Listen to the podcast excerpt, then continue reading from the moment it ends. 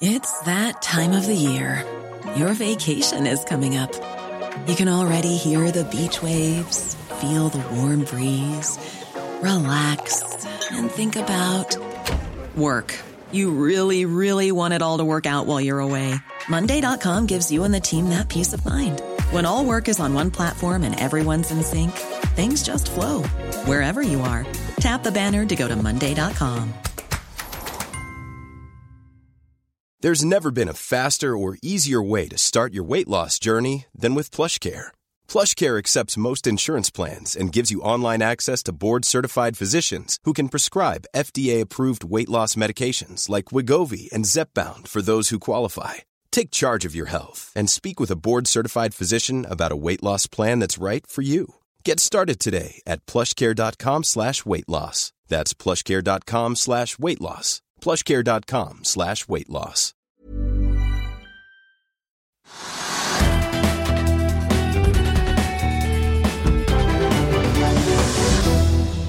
Danmark vil bla opp og sender SAS-aksjen til værs, og Norge opplever nå sin høyeste prisvekst siden desember 1988. Det er fredag 10. juni.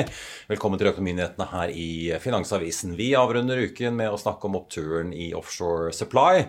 Det blir også litt bilstoff, og vi får besøk av noen finansstudenter som skal fortelle oss hvor attraktiv finansnæringen egentlig er om dagen blant dagens unge, nå som den siste fristen for å sette opp studieønsker nærmer seg med stormskritt. Men først la oss ta en titt på markedet akkurat nå.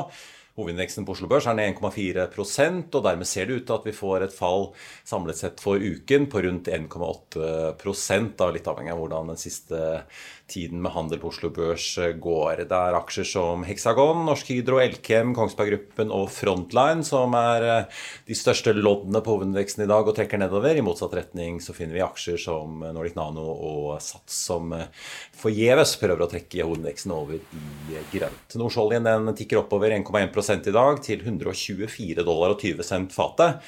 Fortsatt godt over 120-grensen, altså, men oljeaksjene på Oslo Børs er fortsatt stort sett i rødt i dag. Og den amerikanske lettoljen den ligger på 122 dollar og 40 cent i spotmarkedet akkurat eh, nå. Rundt oss i Europa så er det rødt på alle de store indeksene, og futuresene på Wall Street peker mot en blandet eh, start når markedet åpner der om et eh, par timers eh, tid. Og det kommer jo da stadig nye runder og nyheter og vendinger rundt denne restruktureringen og krisen som pågår i SAS. Tidligere i uken så har det jo blitt klart at piloten har meldt inn plassoppsigelse og truer med streik, og at den svenske regjeringen har gjort det klart at de ikke vil bidra med noe mer penger, men at de kan gå med på å konvertere gjelden deres på rundt 4 milliarder kroner i SAS til aksjer. Og i dag så har det kommet uh, nyheter fra danskene, som har sendt uh, SAS-aksjen til værs opp over 36% til om lag 80 øre aksjen. Det verdsetter SAS, uh, dagens SAS, får vi si, til nesten 6 milliarder kroner. Til det som de fleste analytikerne mener i realiteten er et verdiløst selskap akkurat nå. Den danske finansministeren Nicolai Wammen fra Sosialdemokratene møtte nemlig opp i formiddag med noen andre politikere fra Folketinget og gjorde det klart at Danmark ikke bare vil si ja til gjeldskonvertering, men at de også vil være en langsiktig eier i SAS med et eh, mål om å sitte igjen med et eierskap etter denne restruktureringen på 22-30% mot dagens post på 21,8, som er den samme som svenskene altså har. Og selv om ikke Vammen og partnerne hans i Venstre, Det konservative folkeparti, Dansk Folkeparti, SF og Radikale Venstre vil eh, legge penger på bordet før de har hørt fra andre investorer og ser at alle parter bidrar i SAS, så kan man jo begynne å grovregne på hva danskene egentlig sier nå. For SAS vil jo da hente 9,5 milliarder kroner i frisk kapital, sier de. Og gitt at dagens eiere blir sittende igjen med rundt 5% eierskap, så må danskene altså hoste opp et sted rundt 2,2-3 eh, milliarder svenske kroner for å sikre seg den eierandelen som de vil ha, fratrukket da den eierandelen som konverteringen av rundt 5 milliarder svenske kroner vil eh, gi dem. Og eh, gitt at danskene da har sagt seg villige til å konvertere 5 milliarder og svenskene 4, så er SAS nå nesten halvveis i målet sitt om å få konvertert 20 milliarder i gjeld. Vi kan også ta med at Nicolai Wammen i mars 2020 uttalte at Danmark var klar til å gjøre det de kunne for å redde SAS. En uttalelse som sto i sterk kontrast til den norske regjeringens tilnærming til Norwegian, som etter hvert fikk blankt nei til mer hjelp, og ble tvunget til en rekonstruksjon under norsk og irsk konkursbeskyttelse. Dermed fikk jo Norwegian også kvittet seg med masse gjeld og flyforpliktelser, noe SAS nå etter pandemien altså prøver å få til. Så må vi innom kampen om tank. Jon Fredriksen og den belgiske Savaris-familien kniver om kontrollen i Euronav. Nå hamstrer Jon Fredriksens Frontline enda flere aksjer i det belgiske rederiet. Frontline har kommet til enighet om å kjøpe rundt 7,7 millioner aksjer til. Det gir dem 3,82 eh, eierandel ekstra på toppen av det de har. Og Dermed er Frontline nå oppe i 6,77% mens Jon Fredriksen selv via sine selskaper, altså sitter med 12 Savaries-familien flagget i mai at de sitter på 19,6% og Frontline er ned 2,8% på Oslo Børs i dag.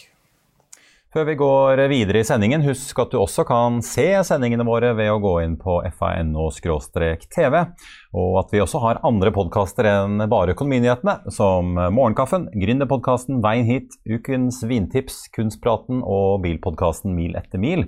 De finner du ved å søke Finansavisen, der du hører på podkast. Nå makro, hvis du trodde det hovedsakelig var den amerikanske og europeiske sentralbankene som eh, slet med den eh, høye inflasjonen, så følg med nå. For det gjør også Norges Bank. I dag kom SSB nemlig både med sine siste konjunkturprognoser og ikke minst med inflasjonstallene for mai. Og veksten i konsumprisindeksen den økte fra 5,4% i april til 5,7% i mai på årsbasis. Og det er langt over Norges Banks forventning på 4,3. Det skriver det med Markets i en oppdatering i dag. Kjerneinflasjonen den steg fra 2,5 til 3,4% altså prisveksten justert for endringer i energi og avgifter. Også dette var godt over Norges Banks prognose på 2,6. Og ifølge SSB så er altså prisveksten eh, nå på sitt høyeste på årsbasis siden vi har sett siden desember 1988. Og det er jo da særlig strøm og drivstoff som driver opp prisveksten i Norge nå, med godt bidrag også fra matvarer og møbler.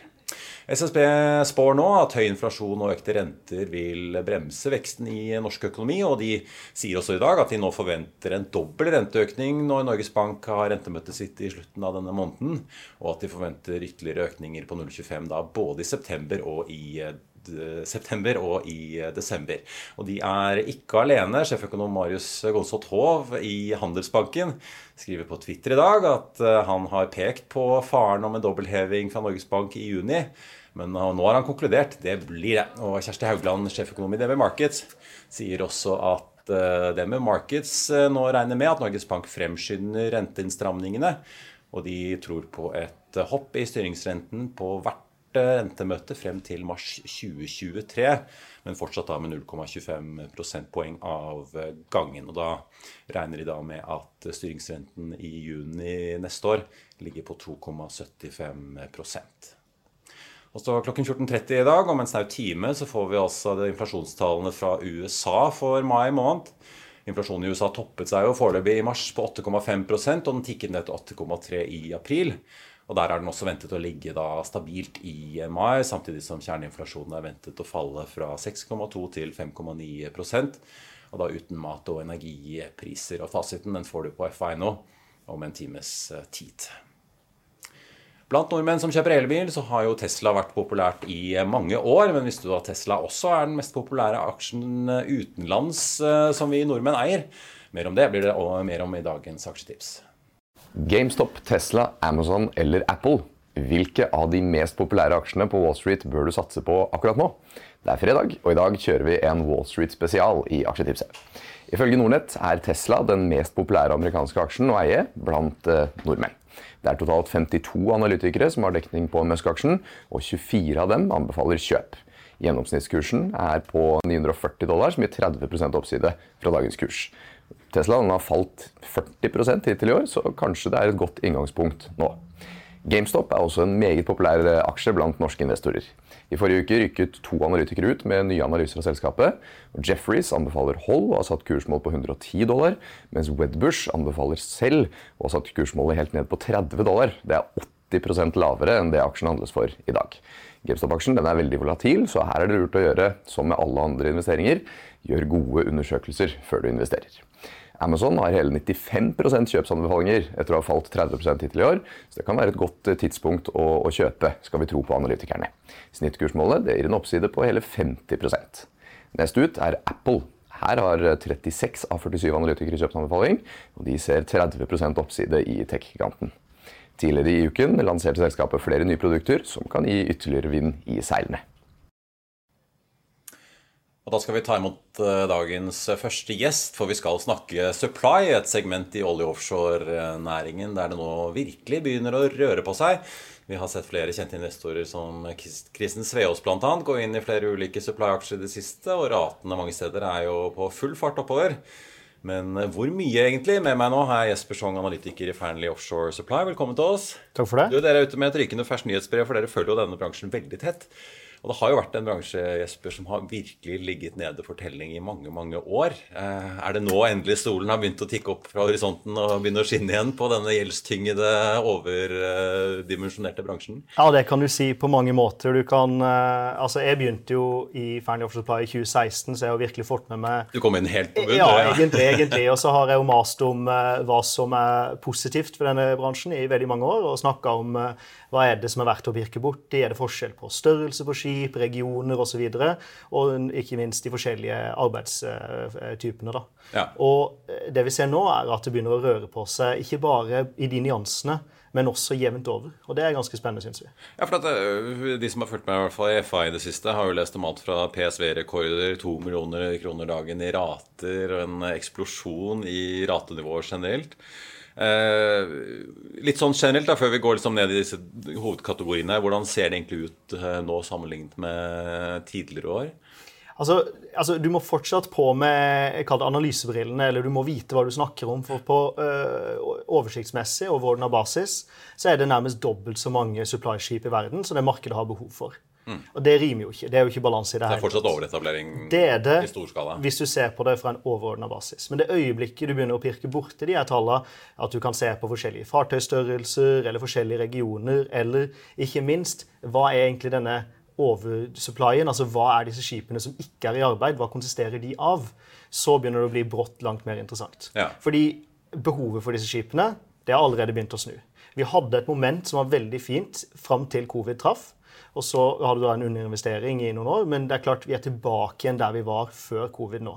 Og Når begynte du å se det? da? Var det i fjor høst da olje- og gassprisene virkelig begynte å yes. skyte fart igjen? Ja. Eller har det tatt litt tid før Det er klart det tar litt tid. Det er ikke momentante bevegelser. Og fra eh, kan kalle det investeringsvilja etablerer seg, til man har behov for eh, støttefartøy, så tar det jo en gang, ganske lang tid. Det er eh, langt ned i, i strømmen, egentlig. Eh, men nå har dette materialisert seg, og det argumentet som vi har vært rundt med ganske lenge, at ikke bare er majoriteten av skipene i kaldt opplag over 20 år gamle, men de har også ligget i opplag i minst fem år. Og Hvis du også, hvis du ser for deg hva slags type enhet det er, eh, i tillegg da plugge på det faktum at de aller største opplagsregionene er regioner sånn som eh, Sørøst-Asia, eh, US Golf, Vest-Afrika.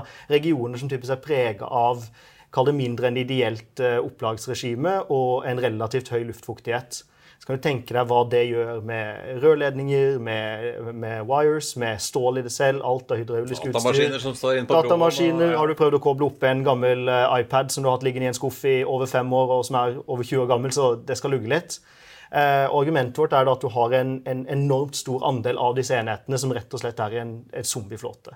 De eksisterer i stål og på papir, men kommersielt og praktisk så deltar ikke de i noen tendersammenheng. og De kommer rett og slett ikke ut. Nei, for og, det, er ikke bare at liksom, det koster å reaktivere et skip. Det, det koster mange millioner dollar. Ja, men ja, Det er ikke realistisk å tro at de faktisk kommer til å gjøre det selv, om man på en måte skulle kunne regne hjem en Lavthengende frukt er der vi skal. Altså, Hva er det som er mest egnet? Hva er det som er lettest å ta inn? Hva kan kjappest reaktiveres? Det er egentlig der du er. Og kostnadsmessig, ikke vel. For de aller fleste av disse offshore-rederiene, selv om da de begynner å få bedre betalt for skipene sine nå, har jo en særdeles anstrengt cash-reserve, og, og, og det er vanskelig strategisk å rettferdiggjøre en reaktivering av de fleste av disse. Mange av de er konkurs i det hele tatt og har rett og slett ingen eiere. Men altså, Vi har jo mange kjente aktører på Oslo Børs. Også. Vi har jo Doff, som har mye gjeld, som sliter. Vi har uh, Viking, de er vel notert i Sverige. Siem, Solstad. Hvem av disse er det som er liksom best stilt nå, da? Har det liksom av alle de du nevnte, så har de jo da veldig få skip igjen i opplag. De har vært strategiske. og så har de skilt ut enheter som har vært non-core, altså disse som ikke er satsingsområdet fremover. Så har de definert det gjennom en restruktureringsprosess, ikke Doff, da, men Doff har også kvitta seg med tonnasje som, som ikke satsingsområdet deres framover. Så de har gjort en fremragende jobb der. Og internasjonalt ser vi Mersk eller Tidewater eller andre som også har gjort det samme. Og det gjør at de sitter igjen med en flåte som er in the money, eh, som de kan fokusere på. Hvem er det som sitter med disse zombieskipene? da? Ja, det er mye banker som sitter med eksponering fra, fra gammel moro. Men så er det også en betydelig andel som blir skrapet. Eh, det er veldig mange som har blitt solgt til andre virke, virkeområder og blitt konvertert. Alt fra eh, altså um, Navy-sammenheng til eh, privatyachter. Så er jo et bredt spekter der. Og så ser vi at havvindsmarkedet tar en del. At du kan konvertere ganske breie PSV-er til kabelleggere f.eks. Som det blir et enormt behov for i fremtiden. Men hvor mye ja, for Apropos det, I går snakket vi om kjemikalietank her. og Da er det jo liksom krysningen mellom produkt og kjemikalie ja. er jo en sånn kjent uh, greie i bransjen, litt avhengig av hva, hvordan raten er i de forskjellige segmentene. Hvordan er det med havvind, egentlig? Er det sånn at disse fartøyene går frem og tilbake mellom oljesupply og, og vindsupply? holdt jeg på å si? I liten grad supply-segmentene. Da ja. mener jeg ATS og PSV. Mm. Det vi har sett, er at subsea-segmentene de har i veldig stor grad hatt fleksibilitet. Mm. Så lenge, De har allerede en relativt stor boligakkommodul, så du kan ha mye folk om bord, mye teknikere. De er store i dimensjoner, så de har god stabilitet i, i, i, i sjøen. Og det gjør at disse teknikerne, altså for alle kan du si, praktiske formål er å regne som cruisepassasjerer sånn eh, maritimt. De er ikke sjøfolk. Nei. Og da må du ha litt stabilitet.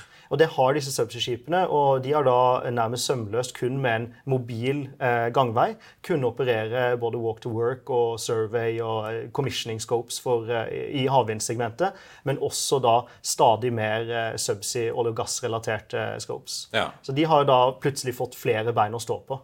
Eh, og vi ser det Solstad, eh, Olympic Subsea, Havila altså Alle sammen jobber egentlig i begge leirer. Og egentlig tror jeg vi er tjent med å bryte ned den siloen og kalle det spesialiserte offshore-verktøy. Og slutte å kalle det olje og gass eller havvind eller fornybart. Eller, for det er samme skipa som server det her. Og så er det noe som er purpose-built, men så har du veldig mange enheter som passer bra flere plasser. Du nevnte jo altså man har jo klassisk eh, PSV, altså supply-båter, så har man subsea og man har ankerhåndterere. Er det noen av disse segmentene hvor det er noe særlig tilvekst i det hele tatt av ny tonnasje, eller er det null og niks? Særdeles lite. I subsea-segmentene har vi sett en tilkomst av eh, helt skreddersydde og eh, helt sånn marginale prosjekter. Eh, også litt gammel moro som har blitt ferdigstilt. Men du kan si i konstruksjonssegmentene har vi sett én PSV levert i fjor og én året før, og det er det. Over halvparten av de skipene tilkom markedet mellom 2008 og 2014, og siden har det egentlig bare gått nedover. Og Samme i supply-segmentene også. Det som har tilkommet, har vært eh, gammel moro som har blitt eh, ferdigstilt fordi det har eh, lønt seg økonomisk at man kan plukke opp et 80% ferdig skrog og, ferdigstille det til et stadig bedre marked. Da får du også de nyeste enhetene. Så Viking gjorde jo et skudd der med sine Nordsjøens to yngste PSV-er, som egentlig var bestilt av en konkurrent tidligere. Ja. Men altså, hvordan er egentlig prisnivået nå sånn eh, historisk sett? Eh, du sendte over til meg her liksom noe av det vi har de siste par ukene. Eh, på norsk sokkel, på ankerhåndterere, et snitt på 1,1 millioner kroner dagen. Mm -hmm. Hvordan er liksom det i forhold til hva vi så historisk har sett? Altså, Dette er jo helt på høyde med det man har sett historisk. Det er vel faktisk et knippe over hvis du strekker den en lang linje her. Og hvis du ser på toppratene der, så må du så langt som ti år tilbake for å finne like. Og det, det materialiserer seg litt, for litt tilbake til denne logikken med det argumentet at det er veldig mange av de enhetene som, i, i, som ikke egentlig eksisterer kommersielt, så ser vi jo eh, i Nordsjøen virkelig, men ellers også i Vest-Afrika, eh, US Gulf, Mexico, Brasil, til og med eh, til en viss grad i Sørøst-Asia, så har du hatt tosifra vekst så langt i år på ratene. Så mye som 30, nesten 40% enkelte områder. Selv om du har en oversupply. Mm. Så, så det, det, det, er på en måte bevis på at den, den argumentasjonen det er hold i den. da. Er det noen, no, noe som helst som kan bremse denne festen, da, gitt at det er eh, svært lite tilfang av nye, nye skip inn? Eh, ja, det ville jo vært om man fikk en strukturell endring bort fra offshore eh, olje- og gassproduksjon. Men sånn det ser ut nå, i lys av Det er egentlig kun oljeselskapenes investeringsnivå som kan på en måte Ja, det er, det er, jo egentlig det, for du skal fort erstatte enormt mye olje- og gassproduksjon. og eh, Måten du kan gjøre det på, er jo eh, f.eks. øke output eh, fra offshore olje og gass. Kan vi si litt om eh, hvordan det ser ut på hjemmebane? Blant annet Off vet jeg jo har vært eh, mye aktiv nede i Brasil, hvor jo Equinor har masse investeringer mm. på gang, inkludert dette Carcará-feltet. Eh, men i Nordsjøen nå har vi jo da her hjemme på norsk sokkel har vi jo da oljeskattepakken, som har sørget for at vi ganske motsyklisk har holdt aktiviteten oppe mm. i Norge. Nå ser vi at britene plutselig slenger på en ekstra skatt på oljenæringen eh, fordi det går så vanvittig bra, mm. samtidig som de gir ganske store investeringsfradrag i bytte, da. Mm. Eh, som jeg har sett en del av disse som følger oljeindustrien tett, eh, si at man i hvert fall kan regne med at det vil jo føre til økt aktivitet på britisk sokkel. Hvordan ser egentlig da Nordsjøbassenget ut for disse selskapene nå fremover? Du kan si Det vi ser av riggaktivitet fremover, framover, så er det umiddelbar fremtid, altså i år og neste år, uh, så er det hovedsakelig UK som drar lasset. Der forventer man en spike i riggaktivitet som, som, begynner å nærme seg det vi har sett historisk av høyder. Uh, åpner man litt opp på mellomlang sikt, altså 24-25, så er det klart at denne skatteinsentivpakken, der du forventer veldig mange pudder i år, så mye som 30 stykker av slaget, uh, det vil jo da kicke inn først litt opp i tid. Også på, på lengre horisont så er det klart, så, så handler det jo om eh, politisk vilje og, hva, hva, slags forutsetninger oljeselskapene har. Men du ser også da at eh, du begynner å få behov fra andre eh, arbeidsformer. Så for ankerhåndtere f.eks. Norge har jo nylig vedtatt en ganske optimistisk og aggressiv eh, flytende havvindsplattform. Eh, de er på ingen måte første til å gjøre det, og vi ser at flytende havvind vil ta markedsandel i veldig rask grad eh, mot slutten av tiåret og inn i neste tiår. Uh, og Da trenger man mye bollarpull, man trenger store dimensjoner, man trenger stabile og kraftige fartøy. Uh, og Av de i verden så snakker du rett over 100 stykker.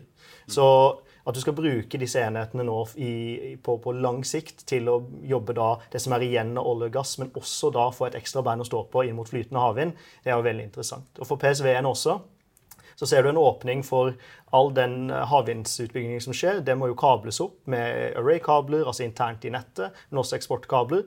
Og har du en litt breidekka PSV, så kan den fort egne seg for å konvertere inn mot havvind på sikt. Ja, Så både PSV og ankerhåndterere regner jo med i hvert fall fem gode år, da, kanskje ja. holdt jeg på å si ti over i 2030-tallet? Ja, for du kommer tilbake til dette, dette å bryte ned disse siloene. Altså man, man, man, henger seg opp i om det er olje og gass eller hva det er. Men hvis du bare kaller det Dette er jo eh, Jeg pleier å si at offshore ikke er shipping, fordi du skal løse en oppgave offshore.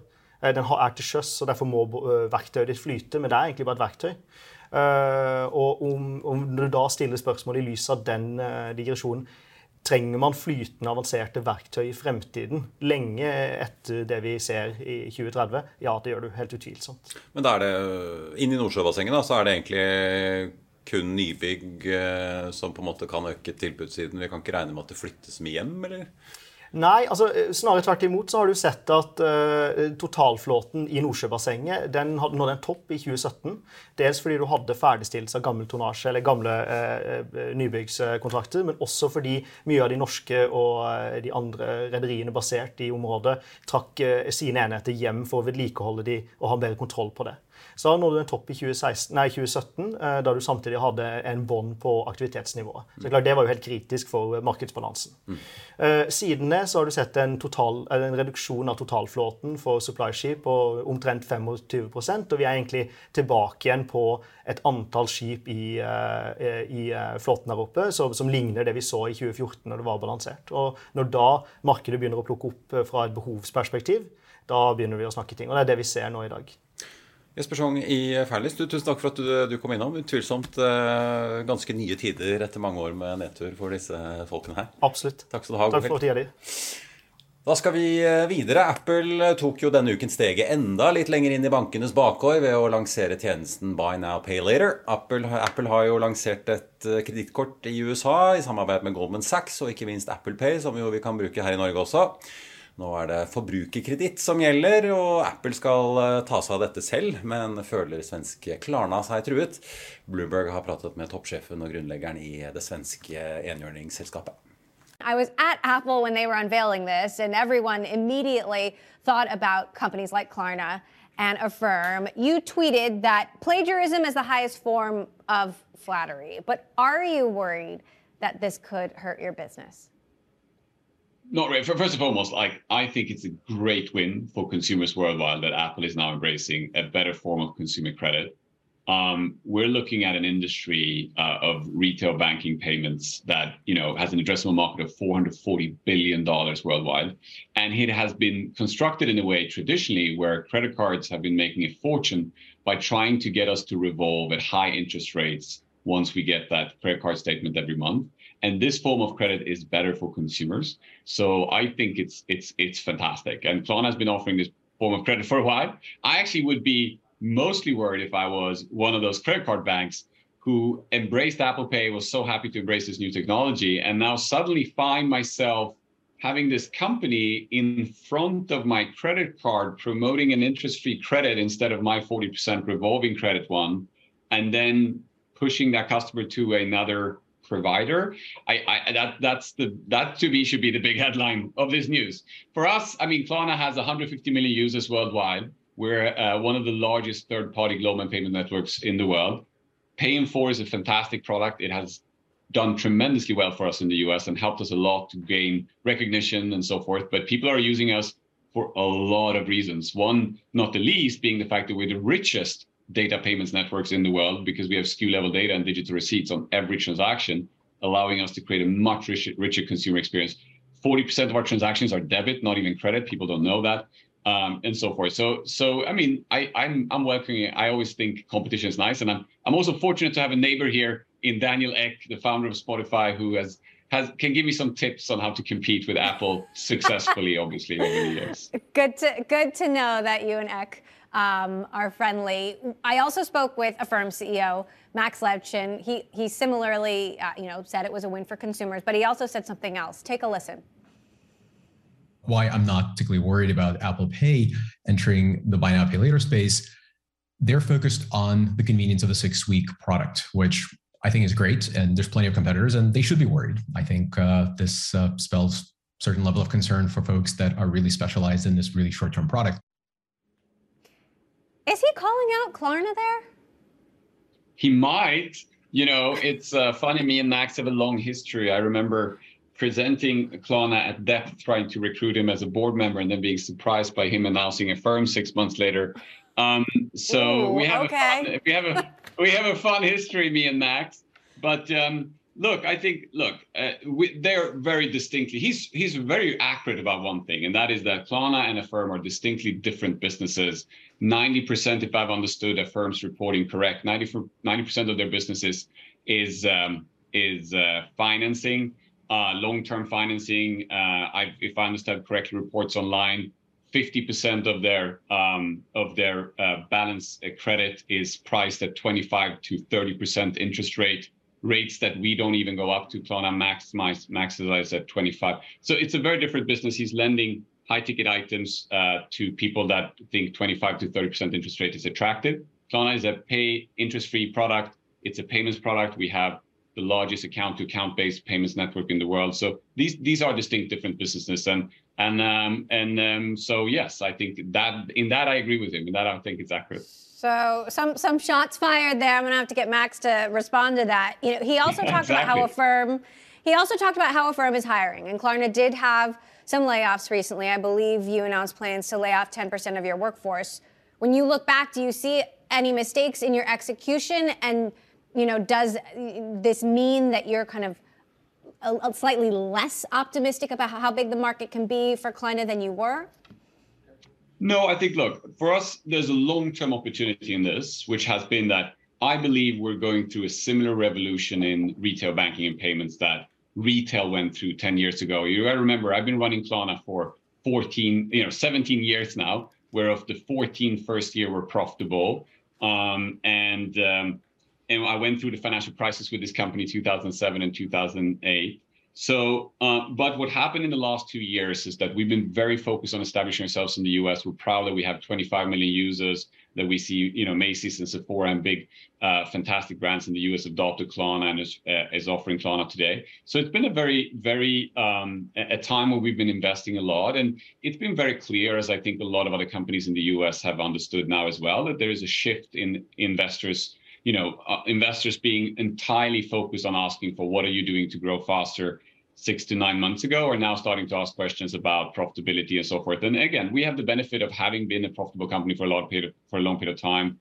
We now invested heavily, and we we said, look, the end goal is exactly the same that it has always been, but there's going to be a slightly different path towards that. And unfortunately led us to something that you know I find obviously very sad that we as a consequence of that, decided to make uh, changes to how the org looks and how it's set up, and that has led us to uh, suggest and ask people to, uh, uh, uh, you know, offer them severance packages and so forth, and ask some people to to leave Klarna, which is obviously very sad because I think this is all amazing talent, amazing people that you know have have contributed to the company. So it, it's a sad thing to do, but I think it's it's the right thing considering how the market looks nowadays, and I I think it will set up up even better for uh, for future success going forward now uh, in this new in this new market environment that we're in.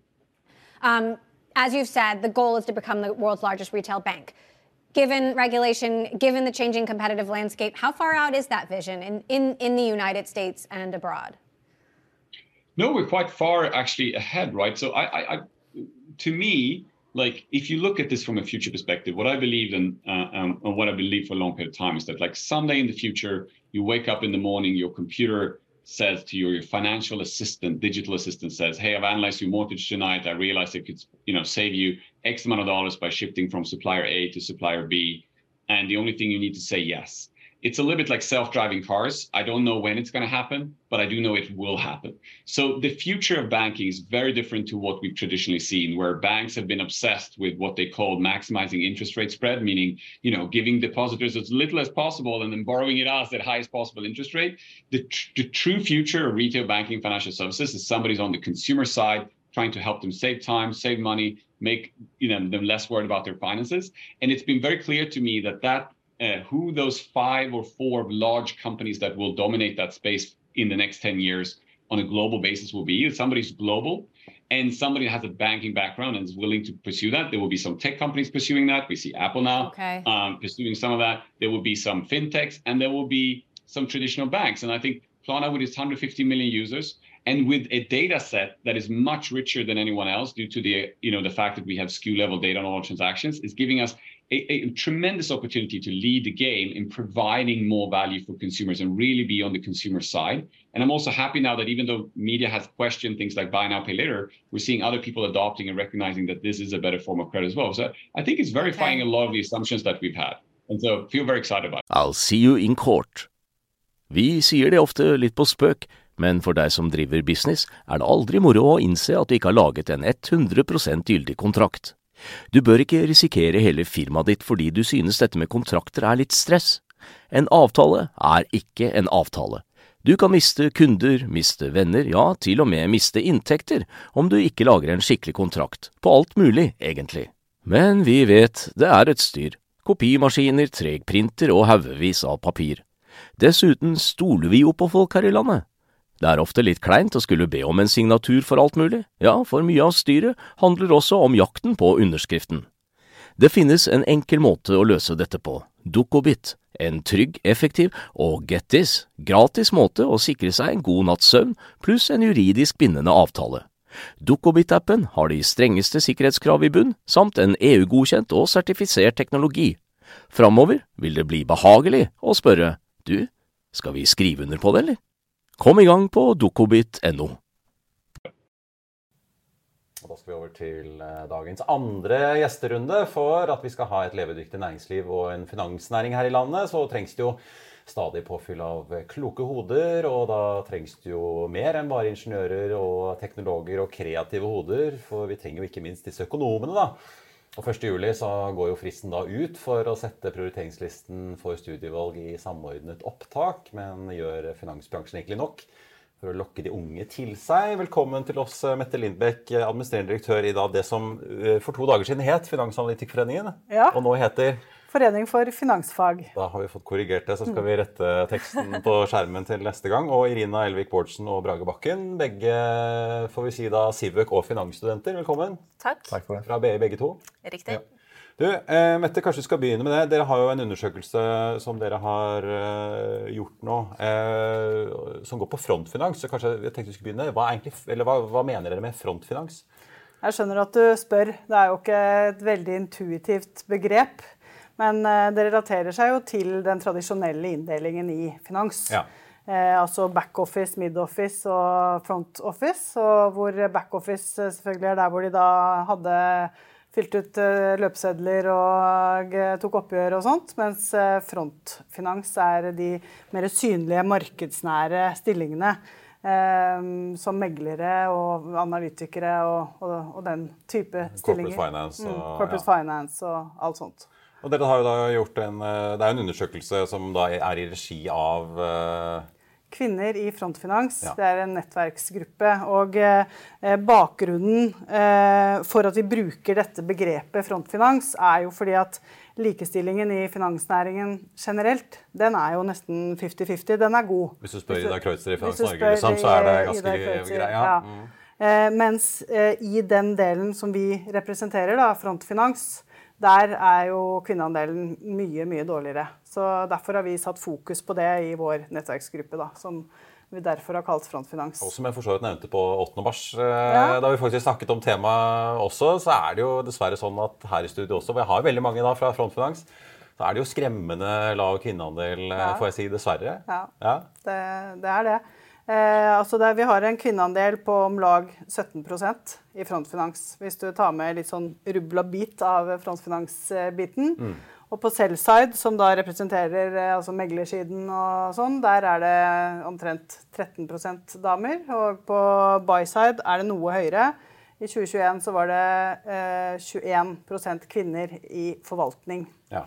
Så um, det er jo ikke på, bra. Altså på jussen, eh, på medisin, så er, det jo, er vi gutta helt i mindretallet, Brage. Så vi på en måte ser jo hvordan trenden går etter hvert som eh, de gamle pensjonerer seg og de nye kommer inn. Men hvordan ser det da ut i finans, egentlig? På studieretningene? På studieretningene er det jo eh, det er omtrent 40% av de som går på Civøk. Nå har jeg tall fra Handelshøyskolen, dessverre, ikke fra BI. men av de som går på Civøk, så er det 40% som velger seg finans som spesialisering. Så der er jo rekrutteringen sånn sett god. Eh, og eh, vi vet også det at det er jo et tight arbeidsmarked nå, og sånn, men vi får fortsatt mange gode, flinke kandidater inn. Så finans er absolutt en attraktiv bransje. Og, men problemet er jo kvinneandelen. Ja. For på finansstudiene på Handelshøyskolen så er bare én av fem kvinner. Det er jo veldig, veldig, få, så da er det jo mindre pol å velge fra også, da. For arbeidsgiverne senere. Ja, Irina, Hvorfor, hvorfor Siføk og ikke finans sammen med Brage? Eh, det er jo en veldig allsidig utdannelse. da. Ja. Det skaper mange muligheter. Eh, og for min del så var det egentlig Jeg vil gi meg selv en utfordring. da, eh, Å teste finans. Jeg syns det er en veldig spennende bransje. Og man må jo også oppmuntre flere kvinner til å gå i den retninga. Og vise at man kan gjøre det bra selv om det er mannstungt. Men Hvordan ser det ut uh, rundt dere i på en måte Polen av studenter? Føler dere liksom at dette her uh, reflekterer samfunnet sånn noenlunde greit, eller er det mye gutteklubben-greier? Ja, Det er ikke noe gutteklubben-greie, men det er nok en liten kvinneandel. Uh, I hvert fall på finans. Det de mer kvantitative fagene. Ja. Særlig. Ja. Hva er det som fikk deg til å søke inn på finans? Gikk økonomistudier, og så er det en generell nysgjerrighet, tror jeg, for å forstå sammenhenger i økonomien og de større trekkene. Ja. ja. Det gir et veldig godt innblikk i økonomien. da. Du får jo med deg hva som skjer i markedet. og Jeg tror mange undervurderer hvor ja, lærerik den er. da. Men er det sånn at dere har fått jobbtilbud si, allerede nå, gitt uh, så gode tidene er? Vi vet jo at av og til så er det jo sånn, uh, i hvert fall oljeingeniører av og til får jo ofte ja. jobbtilbud lenge før de er ferdige. Ja, det er vel ganske vanlig praksis ja. at man lander jobben en stund i forveien.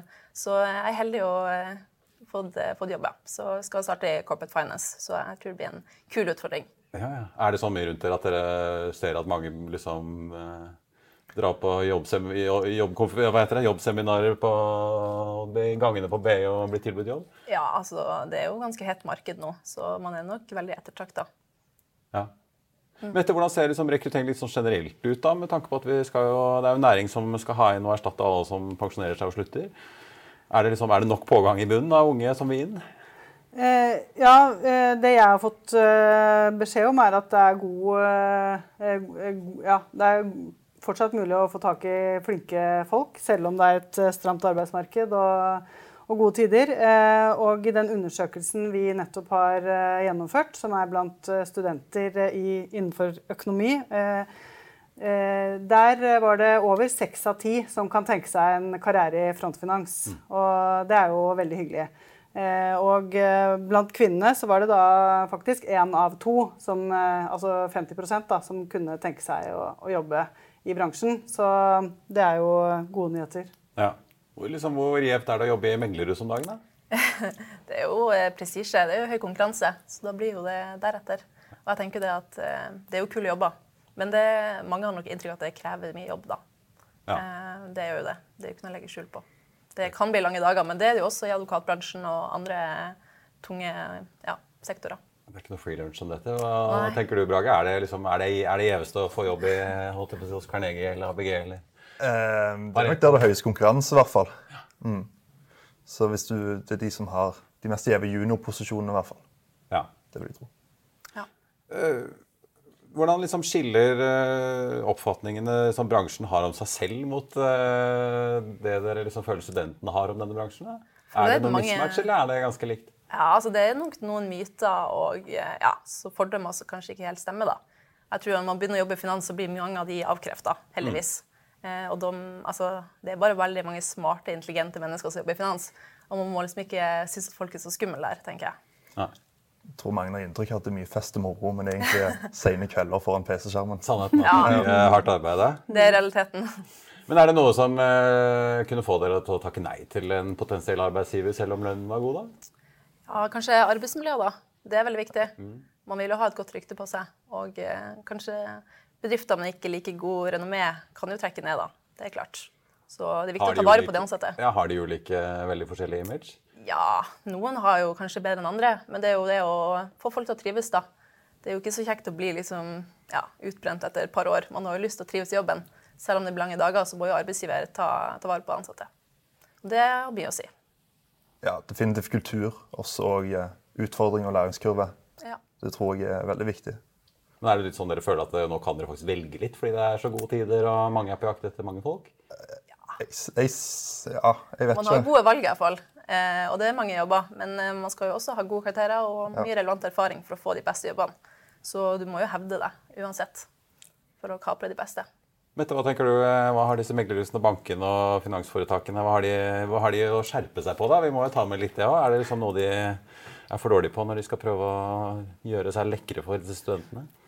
Eh, vel, altså Fra mitt ståsted så ser jeg jo mest på hvordan de skal rekruttere inn kvinner. da. Mm. Eh, og der er det jo helt klart eh, mange tiltak man eh, kan gjøre. Og det vi har sett på i en undersøkelse vi har gjennomført om blant kvinner som jobber i bransjen, der peker de på dette med delt foreldrepermisjon når man etter hvert får barn og har jobbet, jobbet noen år.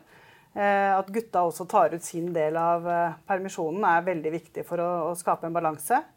Og eh, videre så er det jo viktig dette med De legger økt vekt på dette med fleksibilitet i arbeidstid og bruk av hjemmekontor. Og der har vi jo sett en veldig stor økning selvfølgelig nå i forbindelse med, med pandemien. Og man har sett at det er mulig. og Eh, man kan f.eks. Eh, hvis man har familie, så kan man ta morgenmøte hjemmefra eh, på skjerm, og så kan du kanskje levere i barnehagen etterpå, og så dra på jobben. Ja. Så mm, det er i hvert fall noen ting man kan ta tak i. og jeg tror arbeidsgiverne har mye fokus på det. Og, og, så er det jo Det er jo noe med at frontfinans er jo, som dere også forventer, det er jo krevende jobber. Det passer ikke for alle. Man må ønske å gjøre en god jobb og ønske å prestere og, og være opptatt av, jobben sin. Eh, og det gjelder ikke bare for kvinner, det gjelder jo for både kvinner og, kvinner og menn. Ja, Det er ikke sånn vi kan sitte på kontorstolen og lene oss bakover og tenke at dette ordner seg selv. Ja, Og så vet vi jo da at uh, det er jo ikke helt som i Exit uh, å faktisk jobbe i denne bransjen. Nei. I hvert fall for de aller fleste. Nei. Nei. Dere, eh, lykke til med innspurten i studiene etter hvert, får vi si. Og så holdt jeg på å si lykke til i arbeidsmarkedet når den tiden kommer. og så takk hos deg, Mette Lindbekk, da, i det som het Finansanalytikerforeningen. Ja. ja. Og nå heter det Forening for finansfag. Veldig bra. Takk skal dere ha. takk. Da er det tid for bil, og vi tar en tur ut på plassen utenfor Hegnar Media for å høre om hva du kan lese om i helgens Finansavisen Motor. I helgen kan du lese FA Motor og Andreas Scheel, redaksjonssjef eh, i nettopp eh, Motor. Eh, den doningen her skal dere teste litt senere, men mm. vi har en Bentley med oss fordi at Bentley nå jobber for å øke grensene i EU. Forklar. Ja, Det er ikke fartsgrensene. De skulle vel kanskje økt de de fleste steder også. Men det dreier seg om vektgrensene. At de fleste store nye luksus- og ikke minst elbilene begynner å veie så mye at de begynner å nærme seg førerkortgrensen på 3,5 tonn. og Da kan du ikke kjøre bilen din lenger. uten å øke, ta et nytt førerkort. Ja, og Det er vel mange som har vært innom eh, kjøreskolene for å ta tilhengerlappen i Norge. For de har skjønt at bilen deres veier mye, i hvert fall med henger. Men du, I eh, bladet så tester dere to doninger som eh, også veier en god del. La oss begynne med den her. Ja, dette er Aston Martin DBX, den SUV-en deres, som jo allerede var en sprek og heftig bil. Men nå har de fått 707 hestekrefter, og det er verdens sprekeste SUV. Så den overgår Urus fra Lamborghini og Porsches Turbo GT. Så dette er nok heftige greier, ja. Og mens denne og Bentleyen er siste skrik innen eh, fossilbilindustrien, får vi si, så har dere også testet noe litt mer miljøvennlig, nemlig eh, dere kaller jo billigvarianten av Audi E-tron GT? Ja, det er jo kanskje ikke en billig bil, for den nærmer seg vel en million den også. Men i forhold til RS-versjonen, som jo koster opp mot to millioner, så er det den rimeligste elbilen fra Audi GT. Så det er også en eh, bil som blir interessant i og med at prisen er såpass mye lavere. Og hvor mye futt det er i den, og ikke minst eh, mer bil- og båtstoff, det får du altså i helgens motor. Da skal tenkte jeg vi bare skulle ta med at eh, styreleder Geir Førre i Airthings har torsdag gjennom investeringsselskapet Firda kjøpt like over 875 000 aksjer i eh, dette sensorselskapet Airthings til en kurs på 3 kroner og 98 øre aksjen, eh, sammenlignet da mot dagens kurs på 4,14, som er opp 3,3% siden sluttkursen i går. Aksjekjøpet på 3,5 millioner kroner løfter eh, Førre sitt eh, eierskap eh, til da rett under 25,5 millioner aksjer. Og den Airthings-aksjen den er ned da 60% i år, og er jo da en av de aksjene som på linje med veldig mange andre tech- og vekstaksjer har fått seg en ordentlig hard, et hardkjør på børsen. Og så tenkte jeg også før vi går videre at vi skulle innom et lite ekteskap som nå er i ferd med å bli fullbyrdet. Styret i NHO har nemlig i dag godkjent forslaget om at Finans Norge blir en del av næringslivets største interesseorganisasjon. Det bekreftet NHO-sjef Ole Erik Amlid til E24 litt tidligere i dag. Og dette ekteskapet trer formelt da i kraft 1.1.2023. Vi gratulerer. Og da kan vi ta en titt på markedet på Oslo Børs akkurat nå. Hovedindeksen er ned 1,4% til 1243 poeng. og Dermed ligger vi an fortsatt til en samlet nedgang for uken totalt eh, sett. Vi får jo ta med da SAS-aksjen, som har vært eh, oppover 40 tidligere i dag. Nå ligger den opp 33,8% etter uttalelsene fra den danske finansministeren og hans allierte på Folketinget om at eh, danske myndigheter har til hensikt da å forbli en storeier i SAS med en eierandel på mellom 22 og 30 over da dagens eierandel på 21,8 og at danskene da også går med på å sanere gjeld, som svenskene også gjorde. Men svenskene vil jo da ikke bidra med noen frisk eh, kapital. Så får vi også ta med at eh, Bevi, dette emballasjeselskapet, er ned 1,2 De melder at eh, de har nå eller skal da kjøpe opp dette gjenvinningsselskapet som heter Berga Recycling, og de skal ha en investorprestasjon da på mandag den 13. juni. Ellers på børsen så er eh, på listen over de mest omsatte så er Rex Silicon på en annen plass bak Equinor. og eh, Eneste av de topp fem som er opp, opp 5,7% Equinor og Hydro også ned eh, i dag. Equinor ned 1,2, og Hydro ned 5% Vår Energi ned 0,75 Yara ned 0,65 for øyeblikket. MPC Container også oppe på topplisten. De er opp 0,6 eh, faktisk. Og Vi ser også en voldsom omsetning i SAS-aksjen. Sjelden, får vi faktisk si. Det er ikke så ofte vi ser SAS-aksjen på listen over de mest omsatte. Den aksjen er nå omsatt for 61 eh, millioner kroner på Oslo Børs. Ellers så er eh, nordsjøoljen på 124 dollar og 10 cent. Det er opp 1,1% Den amerikanske lettoljen ligger like bak på 122,60. Og eh, SAS er jo da den store vinneren eh, sammen med bl.a. Eidesvik Offshore på Oslo Børs i eh, dag.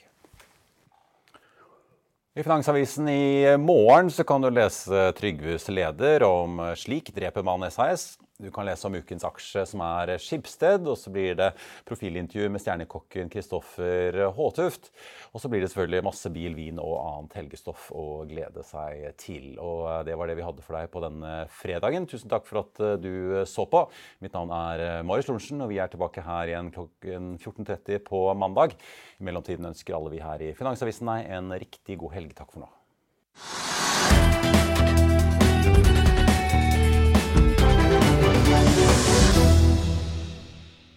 Økonominyhetene er en podkast fra Finansavisen. Programledere er Marius Lorentzen, Stein Ove Haugen og Benedikte Storm Bamvik. Produsenter er Lars Brenden Skram og Bashar Johar. Og ansvarlig redaktør er Trygve Hegnar.